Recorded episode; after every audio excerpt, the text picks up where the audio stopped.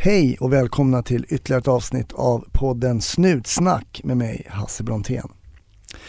Idag heter min gäst Kjelle och han berättar om sin insats som aspirant när han blev delaktig i en av Sveriges mest uppmärksammade kriminalfall. Alla där ute, var försiktiga och ha en trevlig lyssning. 70 kom. 1310 Odengatan kom. Ja, det är uppfattat. Vi tar det. Slut. Bra. Klart slut. Välkommen till eh, Snutsnack säger jag till Kjelle. Tjena och tack. Ja, jättekul att du kunde komma. Det är ju faktiskt så att du och jag träffats innan. Det var när jag eh, var programledare för Efterlyst och jag pratade om trafikpolisen med dig. Just det. Och det är egentligen den informationen jag har att jag vet att du då jobbade som trafikpolis, eh, men var jobbar du idag?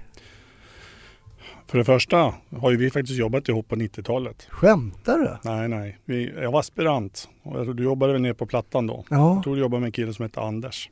ja, ja, ja. det är en väldigt god vän ja. Mm, så eh, du var handledare åt mig där nere någon gång. Sant? Början, mitten på 90-talet faktiskt. Är det ja. sant? Och du kunde liksom fortsätta och fungera som människa efter det? Ja, precis. En del pallar ju med pressen inom det här yrket. Den andra de byter ju. Precis. Ja. Ja. jag ber om ursäkt för allt jag gjorde då. Ja, Men vi spr- du sprang med oss på Plattan då? ja Ah, gjorde jag. ja, det- det jobbar vi och, ja, med det ni gjorde. Mm, Nu finns det ju inga poliser som jobbar där nere på samma sätt som ni gjorde då. nej, Och det är synd för ni gjorde ett jättebra jobb där nere. det var en rolig tid alltså. Ja, det Det var var en det. väldigt rolig tid. Men när, då gick då, då, då har du avslöjat för mig att du i alla fall började på polisskolan efter mig. Ja, det gjorde jag. Jag började 91, januari 91. Ja, just det. Mm. Var det någonting, hade du planerat att du skulle jobba som polis när du var yngre eller? Ja, egentligen. Jag har ett tidningsurklipp från när jag var tre. Jaså? Ja, jag skulle gå och handla med farsan och så gick vi förbi en poliskontroll. Och han kände poliserna. Och då var det en eh, journalist där Mm. från Fagersta-Posten. Ja, Okej. Som eh, gjorde några reportage och så kom vi dit och sen var det någon polis som kom fram och frågade mig. "Ja, Vad heter du då min lilla vän? Polis, svarade jag då. Så hade jag sånt där vitt koppel med polismärken på. Så här. Så du, okej du var ganska tydlig med vad du ville göra då alltså. Ja, precis. Men hur kom det sig att, att du redan i så ung ålder var, var intresserad av eh, poliser och polisyrket? Hur ska jag komma ihåg det? Jag var ju bara tre. det, men jag tror att det beror på att eh, eh, farsan jobb, var ju vad ska man säga, fastighetsskötare eller vaktmästare i ett hus, sån här ungkarlshotell. Mm. Och eh, hade mycket kontakt med polisen. Mm. Så jag har nog träffat mycket poliser. Jag vet att när de byggde polisstationen i Fagersta var vi där. Och, så jag hade nog blivit påverkad lite grann sådär. Och hur var din, dina intryck, kommer du ihåg några av dina intryck när du var yngre av, av poliser? Nej, nej, ingenting som jag mm, kommer ihåg. Så jag gjorde någon, om man får dra fram klockan tills jag var 15 år så hade jag en kontakt med polisen en gång. Fick en utskällning som hette duga. Alltså vad hade du gjort Ja, då? mm, du vet man. Nej, jag hade moppe då och så skjutsade jag en kille. Mm. Och det fick man ju inte. Så kom ju polisen och då försökte jag ju dra. Mm. Jaha, du försökte dra? Ja, Du blev jagen alltså? du vet en moppe som gjorde 30 och mot en bil. Det var inga bra odds. Så du, eh, de stoppade dig där då? Ja, Jaha, så de var, Ja. var de tydliga med, med vad de ville få fram? ja. De fick fram budskapet. Och hur Ja. togs det emot av dig då? Som, jag misstänker att du är 15-årsåldern där då. Hur tog du emot det här? Det de, hur, vad sa de till dig? Nej, jag kommer inte ihåg vad de sa. Jag vet att jag fick en utskällning och de ville se legitimation tror jag. Och, ja, man var, jag blev lite skakig. Jag var färdigskjutsad sen. Var det det? Ja, Satte det, satte det en ton hos dig där på något sätt att du eh, slutade skjutsa eller? ja det gjorde det faktiskt. Jag, jag skjutsade inga mer sen. Du gjorde inte det? Nej, jag tyckte det var så obehagligt. Den där utskällningen jag fick där på. Men du fick ingen böter eller något sånt? Nej, det fick jag inte. När de stoppade mig hade jag ingen skjuts längre. Man brukar ju säga att man kan ge någon en utskällning för en tusenlapp. Ja, det var det jag fick. en utskällning värd tusen kronor. Ja, precis. Fast på den tiden var det kanske inte tusen spänn, men Nej. nej, men motsvarande. Ja, Motsvarande några veckopengar i alla fall. ja precis. Men det var ingenting som poliserna gjorde där och som avskräckte dig att själv börja jobba med det yrket? Då? Nej, nej, jag var snarare nästan tvärtom. Alltså, jag förstod ju vad han sa med riskerna och allt som kan vara, ja, lite så här som man snackar om att man inte kanske är mogen för det heller och nu ser reglerna annorlunda ut. Mm. Men eh, Vad hade du för moppe då? jag hade en Suzuki. En sån eh, M50 eller vad heter det? Nej. eh, Med limpa? Ja, Oj, de var coola. Såg Ja. nästan ut som motorcyklar för er lyssnare. ja, precis, det gjorde de. Ja. Det fanns snabbare moppar, men jag, jag gillar där. Mm. Okej, då misstänker jag också att du är uppvuxen i Fagersta. Ja, född, uppvuxen, flyttade därifrån 1983 Ja, Okej. flyttade jag till Stockholm. Ja. Och då jobbade du med någonting annat eller? Jag jobbade som elloksreparatör i Hagalund i Solna. Reparera RC-lok och sånt här till fjärrtågen som går runt om i landet. Men jag tycker att det känns som, det känns som ett hopp där då, eller menar, att gå från att reparera lok till... Gjorde du det Ja. fram till du sökte till Nej. polisskolan? Jag jobbade där i fem år någonting och sen blev jag lite less på det. Så jag sökte och började jobba som eh, väktare och ordningsvakt istället. Mm. under några år. Men sen tänkte jag att jag ska gå tillbaks till lokreparatör. Men sen blev det att jag sökte in till Polishögskolan istället Mm. och kom ju in då. Ja, på den vägen är det. Var du ABAB-vakt eller? Nej, de fanns ju på den tiden. Jag tillhörde ett företag som fanns då som hette Larmassistans. Ah, Men som sen, jag kommer inte ihåg, det köptes upp tror jag. Det in, blev så att det ingick sen i ABAB och så blev det ett annat bolag. Sen, så det försvann ju. Nu finns det ett nytt bolag som, med samma namn, Larmassistans. Men det är en helt annan ägare till det. Jaha, okej. Så de bolagen är egentligen skilda. För där finns det ju en, en naturligare övergång. Det hade jag också i min klass på eh, Polishögskolan kommer jag ihåg. Folk som hade jobbat då till exempel som ABAB-vakter och så Mm. sökt, sökte till. Hade du någon fördel tyckte du att du hade jobbat som, som väktare som man säger. Hade du någon fördel av det tycker du när du kom till polisskolan? Nej, det vet jag inte om jag hade, men man hade ju fått en liten, man fick ju, har ju fått provsmaka på jobbet. Mm. Det hade man ju fått eh, göra och känt av vad är det för situationer man kanske hamnar i. Men jag märkte ju en skillnad sen när jag kom ut och började jobba på gatan. Hur man blev bemött i en polisuniform jämfört med en väktaruniform. Ja men det är intressant. Berätta, vad var de största skillnaderna? Ja, det, det var ju betydligt mer respekt för mig som polis än när jag var väktare. Så Eller- två helt olika uniformer och två helt olika bemötanden? det Ja, så? precis. Det spelar ingen roll om du är väktare eller ordningsvakt. Och Var det någonting och jag pratade med någon eller några som var ordningsstörande någonstans och man ville att de skulle gå därifrån så fick man ju ett visst bemötande som ordningsvakt. När jag sen har gjort samma sak som polis så bara säger nu får ni lägga av, gå härifrån. Mm. Ja, ja, säger man och så går man. I- inte alla. Det finns ju Nej. alltid de här som inte ska. Nej, nej precis ja. Men i det stora hela så märkte man ju skillnad. För det intressanta här är då också att för att ordningsvakterna och väktarna är ju en förlängning av mo- våldsmonopolet och poliser är ju deras befäl. Eh, när poliser kommer till platsen så eh, tar man ju befälskapet över, över de här men de har ju också rätt att till exempel nyttja våld i vissa fall och belägga med handfängsel och så. Ja, ja, det har de. Men en, hel, en helt annan attityd då skulle du vilja säga då mot dig när du jobbade som väktare och som polis? Ja, jag tyckte det. Jag tänkte på det ganska tidigt. Och sen har ju fördelen med att ha jobbat som väktare och ordningsvakt innan. Det är ju att man hade varit i vissa situationer och sånt här när folk hade krånglat med mig så man var tvungen att ta dit polisen. Mm. Och då stod man ju där och kände sig dum för när polisen kom då var det ju liksom inga problem och då visade man legitimation och det var liksom Men eh, nu är det ju omvänt. Nu är det jag som kommer som polis. Och jag vet ibland när man kommer på jobb och träffar några väktare och så har det någon som har vägrat visa legitimation. Så kommer man som polis och säger Har du legitimation? Ja men självklart säger de och så visar de lägg direkt. Mm. Varför Då- tror du att det blir sådär? Ja, jag vet inte. För det skulle ju underlätta om man visar legitimationen redan för... Ja, för då skulle det kunna bli att den här väktaren eller ordningsvakten gör klart det de ska på plats och sen kan de gå. Mm.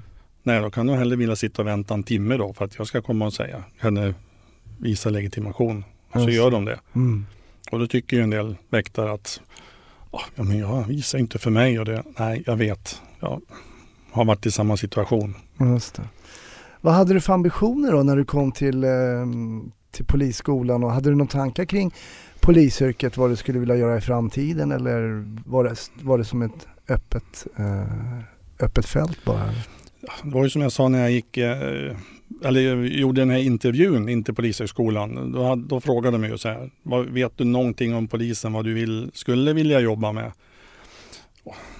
Man vet ju inte hur det är inom polisen och organisationen och vad finns det för möjligheter och sådär. Men jag sa att ja, någonting jag skulle tycka var kul det är att få jobba som MC-polis. Mm.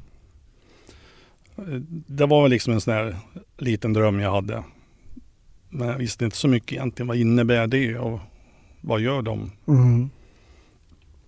Men eh, det var väl egentligen det som jag, det enda som jag tänkte.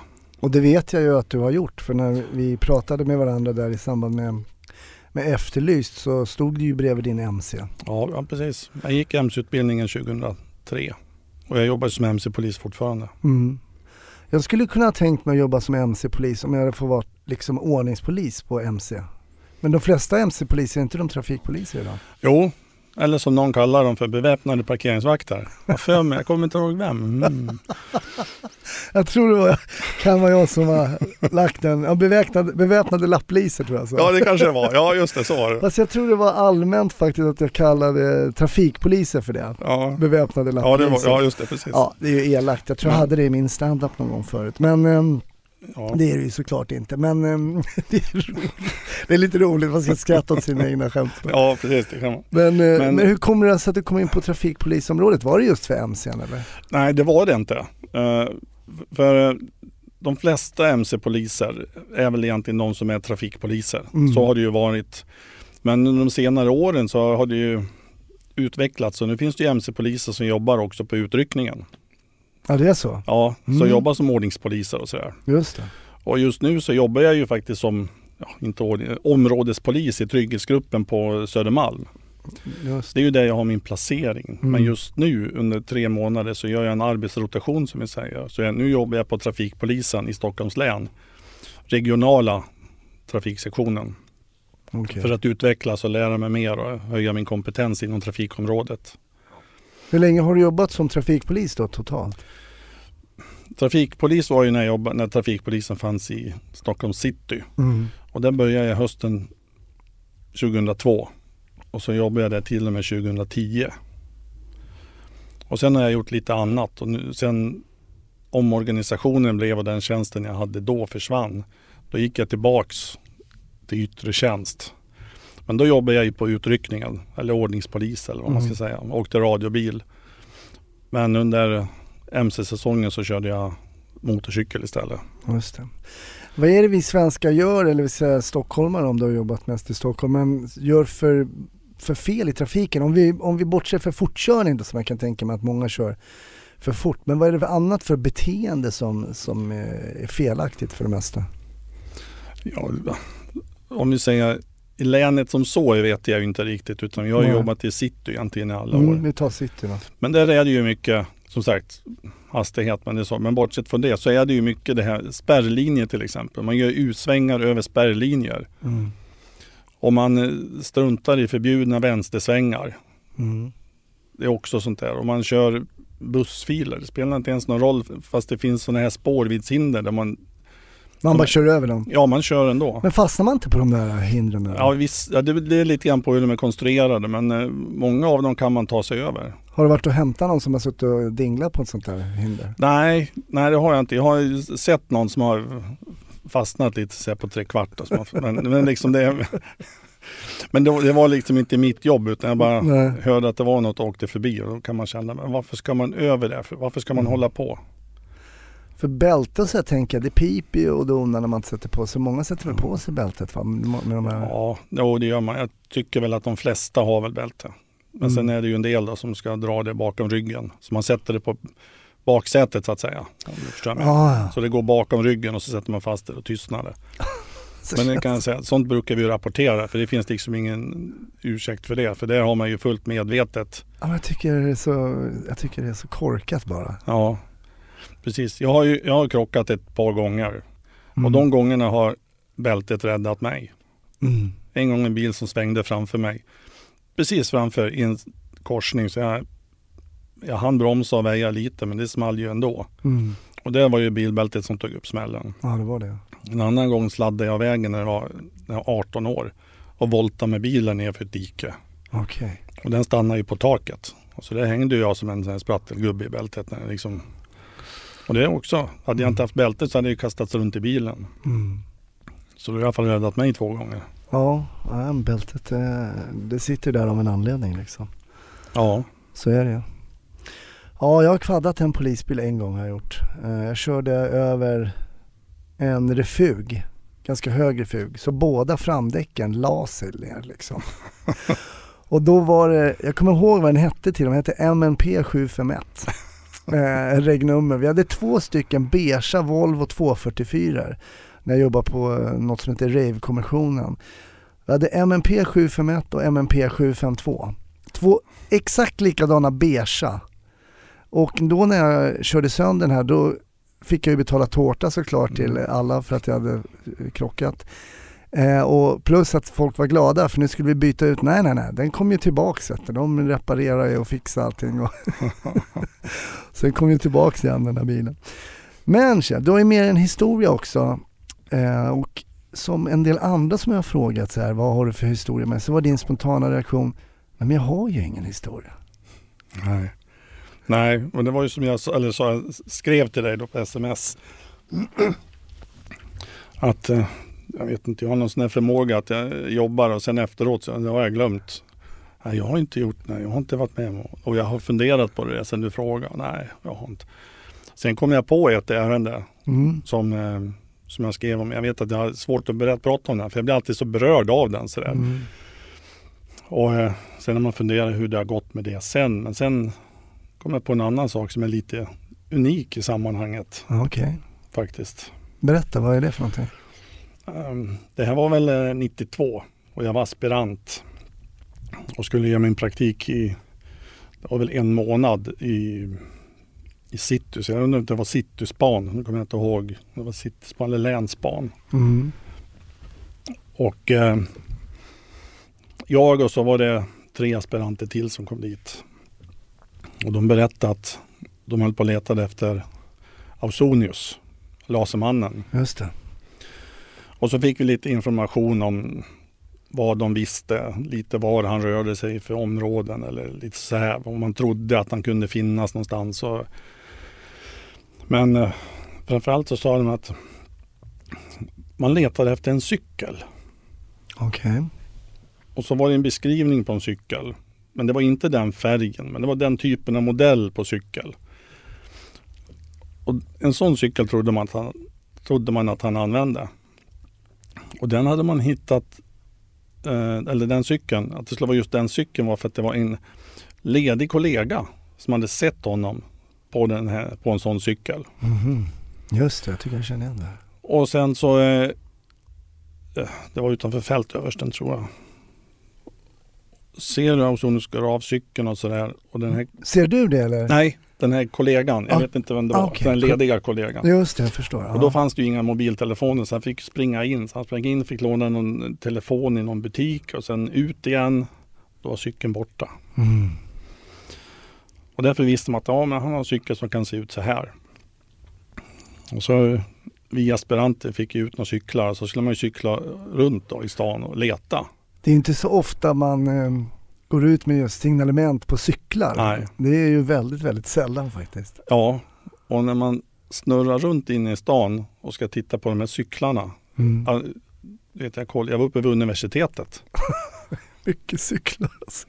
Skojar du? Alltså det måste ju vara flera ton. Alltså det var ju helt sjukt vad det var cyklar. Och jag åkte och synade de här cyklarna och jag får runt här och Blev där. du helt så här yr när du liksom kollar på cyklar? Ja, det blev nästan så. Ja, precis. Det bara snurrade till slut. Det var helt...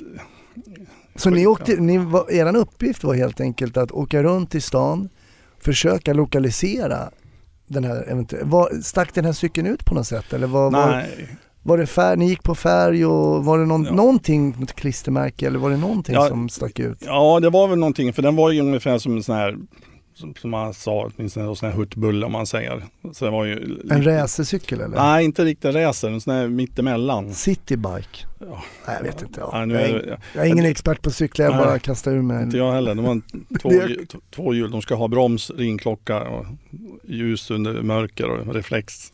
Ja, men liksom, ja, det var lite grann så. Det var färgen. Jag kommer inte ihåg om det var så att den var, skulle vara blåaktig. Sadeln tror jag skulle vara vit. Eller, ja, det var lite sådana här grejer. Okej, så en lite olika färgkombinationer sådär. Mm, En crescent, ja. Ja, jag för mig trodde att det var det.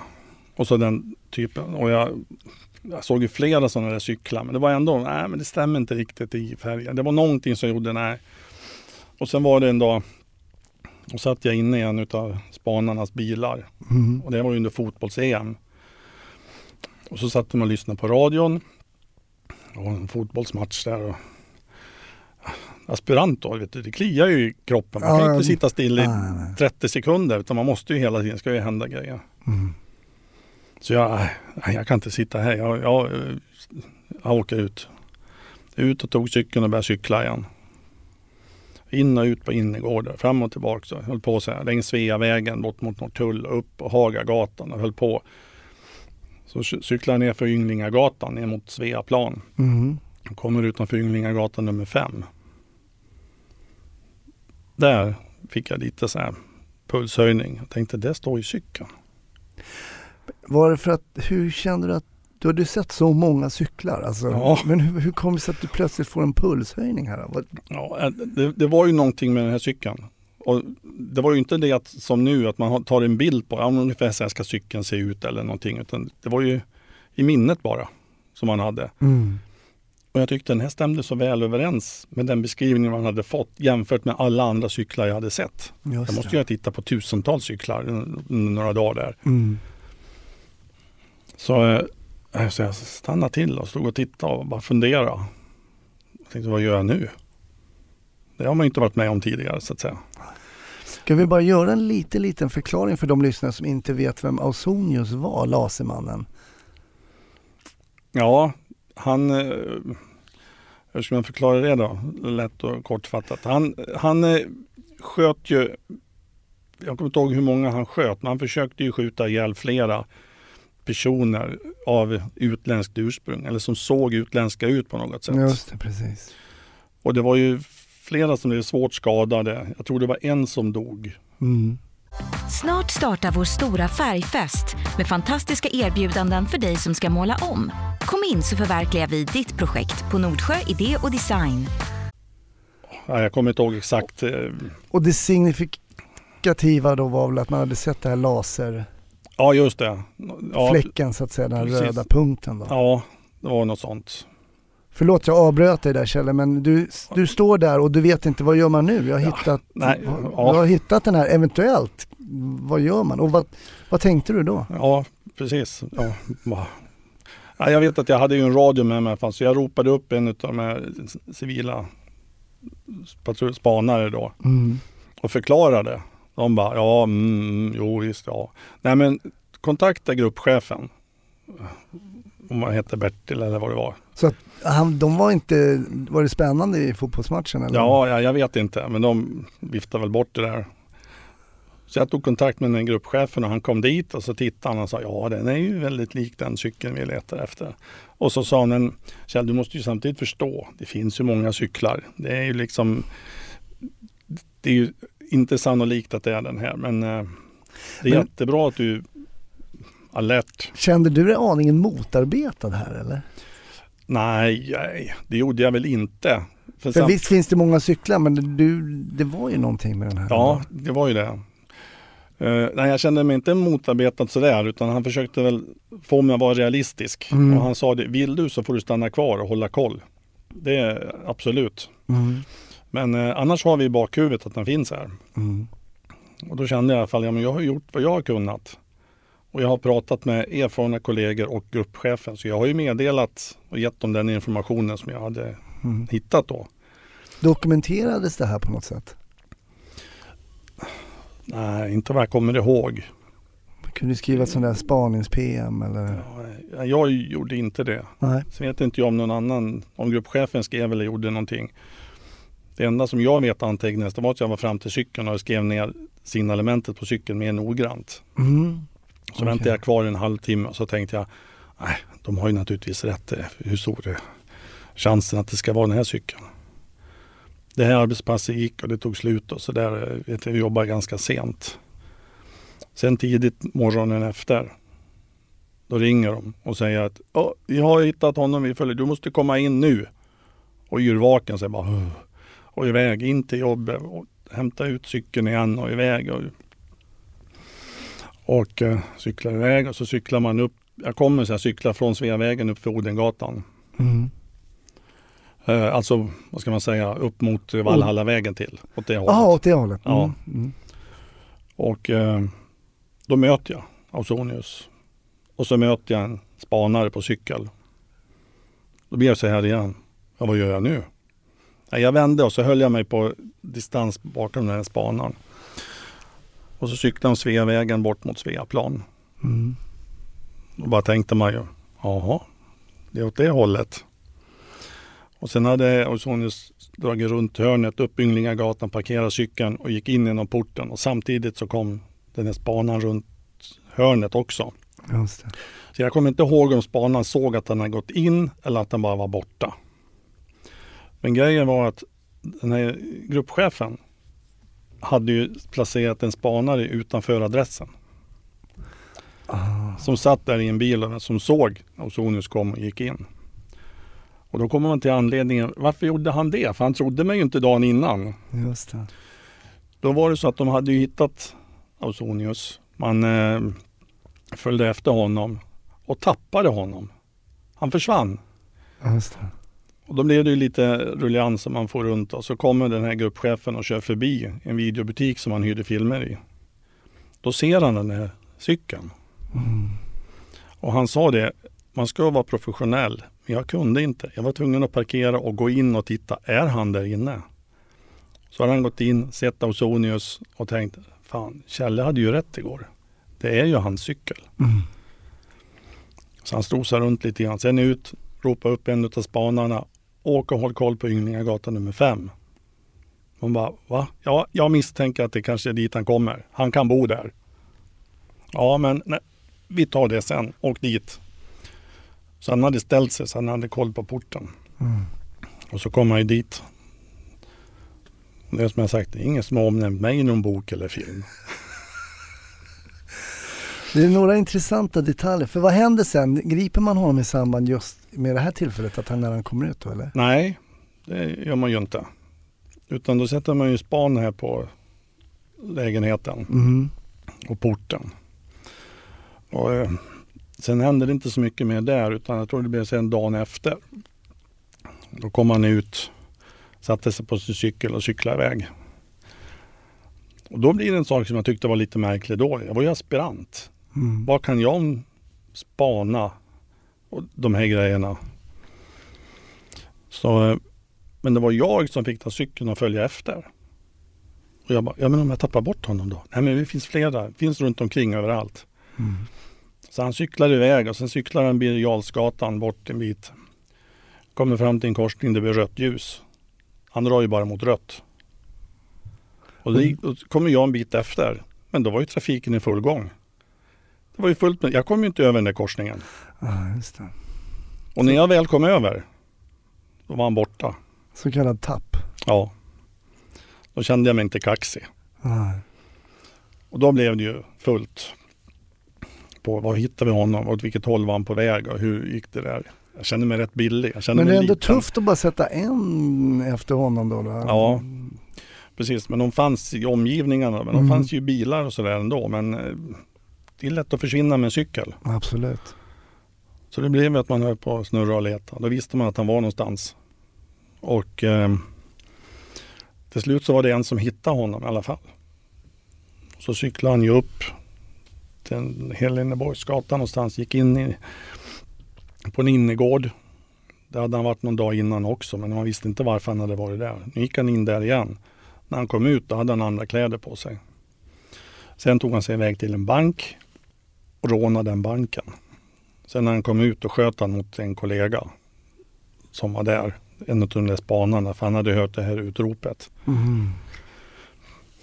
Så, och då vet jag att det var en annan som ropade upp mig, kom och hämta mig och så sa man att han har rånat en bank, det har varit det här, han har skjutit mot en kollega.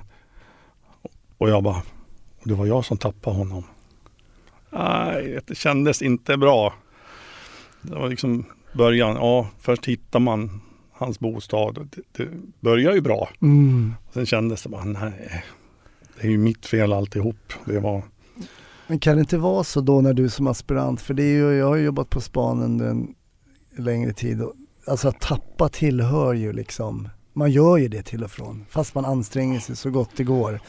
Så får man en tapp nå, någon gång då och då. ja, ja så, så är det väl. Nu kändes det väl lite extra och du vet man Mm. sätter ju krav på sig själv. va? Och Absolut. Det här vill jag inte missa, det här måste ju bli rätt. Och det, Mm. det är liksom inte något, Dussin case. Nej. inte olaga affischering. nej precis. Det är ju inte det. Så, Och så, vad hände då? Eh, Fick, så ja, jag blev upphämtad uh, av den där kollegan i bil. Då sa man, hur ska jag med cykeln? Jag måste ju låsa cykeln. Han bara, skit i cykeln. mm. Ja, men, men, men hoppa in. Och så drog jag iväg. Så när vi kom upp sen till Heleneborgsgatan, då hade de uniformerade kollegor gripit eh, Lasermannen och kom ut från det här innergården, vad ska jag säga. Mm. Kom ut och satte honom i bilen. Och eh, sen när man pratade om allt det här efteråt och som var så som nej, det var inte du som tappade honom, sa man till mig. Ja, Mm. men det var nej, det var vi. Vi är en grupp, vi jobbar tillsammans. Mm. Du är Hur, inte ensam om det här. just det. Vi är Hur, flera stycken. hur kändes det när de sa så då? Jo, men det kändes ju skönt. Mm. Alltså det, det kändes ju bra att man såg det på det sättet. För det är ju precis så, man är en spaningsgrupp, eh, man är satta att lösa liksom eh, uppgiften tillsammans och det är också gruppchefen som ska portionera ut kanske sina mannar på strategiska platser och så Mm. vidare. Så att en tapp eh, ska man kanske nästan räkna med ibland och se så att man har mannar som kan täcka upp. Ja, ja precis exakt. Så, men då var det lite så men det var som de sa efteråt att ah, det var bra jobbat. En sa, jag jobbat på span i nästan 25 år. Har aldrig varit med om att någon har hittat någons bostad eller hittat någon på grund av att man känner igen en cykel. Det händer inte, sa han. Det är liksom helt... Men nu har du varit med och skrivit kriminalhistoria, sa de. Jaha, ja, tänkte man bara. Man, man fattar nog inte riktigt vidden på det hela ändå. Det är ju en av Sveriges mest uppmärksammade rättsfall det här med Lasermannen. Ja, ja det är det. Och du var med då den dagen när ni cyklade efter honom när han rånade banken och han nära blev gripen. Ja, precis. Det, det, ja. Du var en del av det. ja, precis. Fast de kallade mig, när jag tog upp det, att jag hittade en cykel. Så de här som hade suttit i bilen, som hade, de hade suttit där och de, bara, ska, hade, ska, de berättade efteråt hur de bara, ah, en överambitiös paspjävel. Han Ja. tror att han har hittat Lasermannens bostad för en cykel. Oh, oh, oh. Du vet hur Mm, tugget mm. kan vara. Ja, absolut. Och sen sa de, men där stod man sen. Men jag, jag tycker det, det en, finns en intressant aspekt här faktiskt för att det blir ju så att man kanske blir lite luttrad även om man jobbar på spaningsroten eller vad det är. Och så kommer det då den här ettriga, i ditt fall då aspiranten som istället för sitter och lyssnar på fotbolls-EM åker runt och letar efter en cykel. Ja, Och också i det här fallet hitta cykeln. ja. Skulle man kunna ha önskat sig någonting annat av de här kollegorna den här kvällen? Det skulle man väl kunna säga. Men det är som du säger, man blir ju luttrad. Man kommer liksom, man, man lär sig saker, man blir erfaren och man är inte lika mycket på hugget och lika ettrig. Man är inte lika på. Nej. Och det gäller väl mig idag också nu efter 27 år. Mm. Jag är kanske inte lika, Samtidigt så kanske man kompenserar, en erfaren polis kompenserar ju kanske den här ettrigheten med mycket erfarenhet och se saker som eh, ibland inte en, en väldigt ettrig och eh, jobbsugen aspirant ser? Så är det ju. Det är ju bara om man ska ta en sån sak som att jobba i trafiken. Mm. Jobbar man som trafikpolis och med trafikärenden så ser man ju saker som andra inte ser eller uppfattar. Nej. Har man åkt med aspiranter eller man har åkt med kollegor som har jobbat många år och så reagerar man, kan se någonting som man bara, vad var det där? Den där hade ingen regnskylt. Varför? Och den där, det var ingen bälte och det var det här. Det där stod, vi vände runt och kolla. Så man kan se sådana här små saker som andra inte riktigt reflekterar över. Mm. Sen finns det kollegor vet jag som jag jobbar med för ett tag sedan, bara för en vecka sedan, två veckor sedan. Som är helt grym på att hitta um, drogpåverkade förare i trafiken. Mhm. Han plockar ut dem när man möter dem i trafiken. Det låter helt otroligt. Ja, ja men det, det är helt sanslöst. Jag blir så imponerad på något sätt. Och jag jobbar med honom och vi åkte ut, vi hade inte åkt en kilometer från jobbet ens. Så "Ah, den där ska vi ta. Ja, vad var det? Han saknar körkort, det var drograttfylleri. Det var liksom... Ja, men hur kunde du se det? Jo, men det såg jag. Jaha. Men när ni, när ni stoppar någon och misstänker då till exempel, de, då blåser de i först kanske och sen så ger det inte utslag för det gör det ju inte om man är drogpåverkad. Då har du ju ingen så, någonting i utandningsluften som påverkar. Vad gör ni då för koller, för kontroller för, en, för att, hur kan ni styrka er misstanke på drograttfylleri? Ofta så ser man ju lite grann på beteendet, hur de är och hur de, ibland så jobbar man med käkar och man plockar med saker och det är någonting. Klia sig i ansiktet, det finns många sådana saker som är hur de är med ögonen, hur ser pupillerna ut? Jag menar, det kanske är mörkt ute och pupillerna är små. Mm. Eller ljust ute och så är pupillerna stora som pizzatallrikar. Alltså, Just det. och då kan man ju titta på varandra och se hur stora är varandras pupiller. Och Sen kan man göra en sån så kallad under, ögonundersökning. Där de får titta på exempelvis en penna. Så, man, så de får titta efter pennan utan att vrida på huvudet. Då kommer man till ögats ytterlägen åt höger och vänster, uppåt och neråt. Och då kan man få ryckningar i ögat och sådana här saker. Nystagmus. Precis. Det heter det. Ja, det gör det. Jag tänkte säga det så Nej, precis. Det är överkurs och jag tror jag kunna det.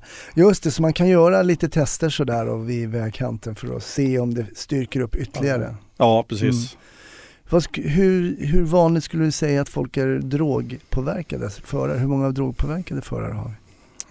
Det är en väldigt, väldigt svår fråga, jag inser Ja, det. Men, det, men eh, är det liksom vanligare än vad vi tror eller är det?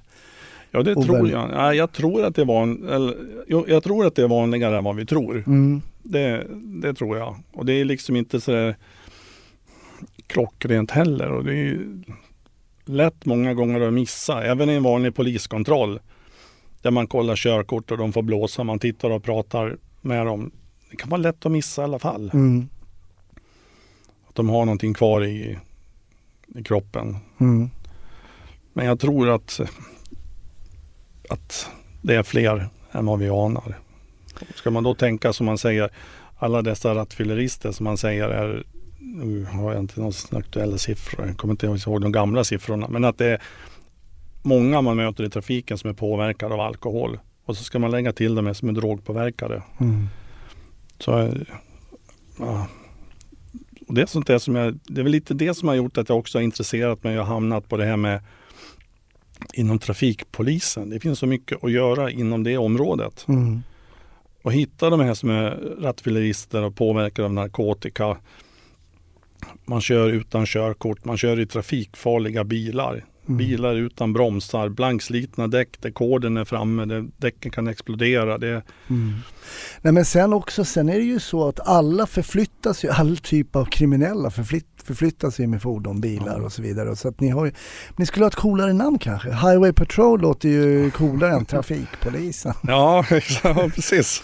För där är det mer när man kollar på Highway Patrol-killarna, de, de, där tänker man så här, de kör inte bara liksom eh, hastighet och de får blåsa, utan där är det ju knark och, och det är, det- ni, ni konfronterar ju många människor som är ute på vägarna som är kriminella såklart också. Ja, vi har ju en grupp in, inom trafikpoliser nu då i, i länet som jobbar just mycket mot de här sakerna. Mm. Och de hittar väldigt mycket. Det var ju den här tv-serien som gick som hette Trafikpoliserna. Mm. Och det här gänget de hittar ju väldigt mycket. Förra veckan så stoppade någon i samband med någon kontroll och då hittar man ju sjukt massa stöldgods Mhm. i den här bilen. Så det blev en massa beslag och man tog kontakt med ägaren och det var, så det var en som blev gripen och anhållen för det där. En annan dag hade de hittat någon i samband med en hastighetskontroll. Där man har liksom börjat försöka gömma narkotika och dumpa grejer. Och det blev husrannsakan och det blev om man hittade eh, vad heter det, skarpa vapen och ammunition hemma hos någon. Alltså det blir, Mm. så det ena leder till det andra. Det. Och det är som du säger, de här färdas ju i trafiken. Mm. Och är man aktiv då när man jobbar som många av de här trafikpoliserna då är, det är ju lite grann olika genrer. Det jobbar ju med tung trafik Mm. och andra jobbar med lätt, lätta och personbilar och sånt här. Och eh, där hittar man ju mycket Mm. Grejer, det gör man. Men då tänker man ju trafikpolis. Hur många eh, biljakter har du varit med om då? Det vet jag inte. Några har det väl blivit. Ja. Men jag tänker om du har båge, då måste du kunna genskjuta och kunna komma förbi mycket bilar och sådär. Men det är kanske svårt att stoppa då när man har Ja, det kan man inte göra. Nej. Man får i så fall åka efter och sen får man tala om var man är bara. Mm, precis. Ja. Så får man vänta in och bilar eller någon som kommer från något annat håll eller något. Svårt att preja med bil eller med motorcykel. ja, den är, den är lite tuff. Men har du någon eh, favoritbiljakt på film? Alltså på, äh, du menar så Ja, på film? Jag trodde om jag alltså- hade någon e- egen, jag tänkte någon, någon sån filmbiljakt som du gillar, alltså när det är underhållning bara. Den, den kom från ingenstans den här frågan så att Ja, ja, precis. Ja, nu, äh, det är jättesvårt att komma på någonting sådär. Det Ja. finns väl flera. Men nu, nu spontant så dyker det bara upp det här Nu blåser vi snuten. Men det är ju för att de filmerna har ju precis gått på tv.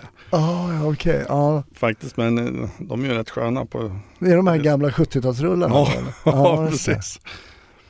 Det var mycket, ja just det, det var mycket biljakter på den tiden. Ja. Ja, precis. Det var Mm. det där Blues Brothers. Just det, Blues Brothers ja. Det var många bi- polisbilar som krockade. Ja, precis. Kollar du på polisfilmer? Nej, inte mycket. Aha. Ibland så kan det komma någon, eh, säga någon ny eller någonting. Ja, ska man titta? Ja, det kanske blir att man tittar ett halvt avsnitt eller man plågar sig igenom ett helt och sen bara, nej. Däremot har jag en favorit och det är de här Johan Falk-filmerna. Ja, du gillar dem ja. Ja, de gillar jag. Även fast jag kan inte säga att de är verklighetsförankrade sådär direkt, men jag gillar de filmerna. Ber- berätta, varför, varför gillar du dem då? Nej, eh, det är hela alltihopa. Alltså, det är någonting med... Jag tycker de är rätt så bra gjorda. Mm. Eh, annars är det ju mycket det här... eh, När, de ska vara vanliga poliser och de ska prata i radion. Mm. Det låter som de läser till. Det är liksom, och ska de säga... Det låter på ett visst sätt när man pratar. Och ska jag säga någonting? Ja, men det är uppfattat kom. Man har det. Och de, de, de kan, det låter så uppstyltat. Mm. Ja, det är uppfattat. Kom. Men slappna av när ni pratar. Prata som vanligt. Ja, Om man trycker på fel knappar på radioapparaten och man håller på. Men sluta. Om ni nu ska göra en film, ta reda på hur ser det ut? Vad är det man gör? Vad trycker Mm. man på för knapp? Hur pratar man? Alltså, Men det, det där är klart, de här små nyanserna märker ju en person som jobbar eller har jobbat som polis att det är skådespelare som berätt, säger de här orden. Som, Mm. Det låter inte helt naturligt. nej. Men annars så tycker jag, Tage Åström som har varit gäst även här i Snutsnack har ju varit med och skrivit manus och hjälpt till med just med Johan Falk-filmerna och jag tycker att eh, jag är benägen att hålla med det, att de är bra och verklighetstrogna i, i, även om man men samtidigt, vi ska inte begära för mycket av skådisarna att de till och med ska Nej. övertyga polisen om att de är poliser. Det räcker med att de övertygar biopubliken. Ja, så är det ju så är det såklart. Men eh, de som gör just de här Johan Falk, jag tycker de blir bra. Jag träffade Mm. ju på han Johan Falk en gång i Ja, tunnelbanan när jag jobbade. ja Eklund alltså. Ja, ja vad sa jag? jag sa Ja, Johan Falk. Ja, du vet vad jag menar. Ja, Jakob Jakob Eklund. Eklund, ja. Så jag var tvungen att ropa på honom. Jag brukar inte, jag någon jag känner igen, jag brukar inte ropa på folk sådär. Men Nej. i det här fallet så kände jag bara, nej du ska inte gå förbi bara. Så jag var tvungen att ropa på honom och så sa jag det åt honom. Du, eh, det där är faktiskt inte okej. Jag såg det här sista avsnittet och det är inte okej. Han bara, vadå, vad var det som inte var bra? Nej, jag är inte nöjd med det slutet. Det kan inte få sluta sådär fattar du. Nu får du säga åt dem att göra om och göra rätt. Jag vill ju se fler filmer. Och så han, Nej, han skrattar ju. Så liksom det var... eh, Alltså, sen stod vi och snackade en bra stund där, så det var ett, ett kul möte. ja vad roligt. Faktiskt, det var det. Kjelle, stort tack för att du ville vara gäst eh, här i Snutsnack. Ja, men tack för att jag fick komma. Ja, det var det lilla. Och tack till dig som har lyssnat på ytterligare ett avsnitt av podden Snutsnack som du också hittar på Facebook. Gå gärna in och gilla Snutsnack där. Mig, Hasse Brontén, hittar du på sociala medier eh, under mitt namn, Hasse Brontén. Ta det lugnt till nästa vecka så hörs vi då.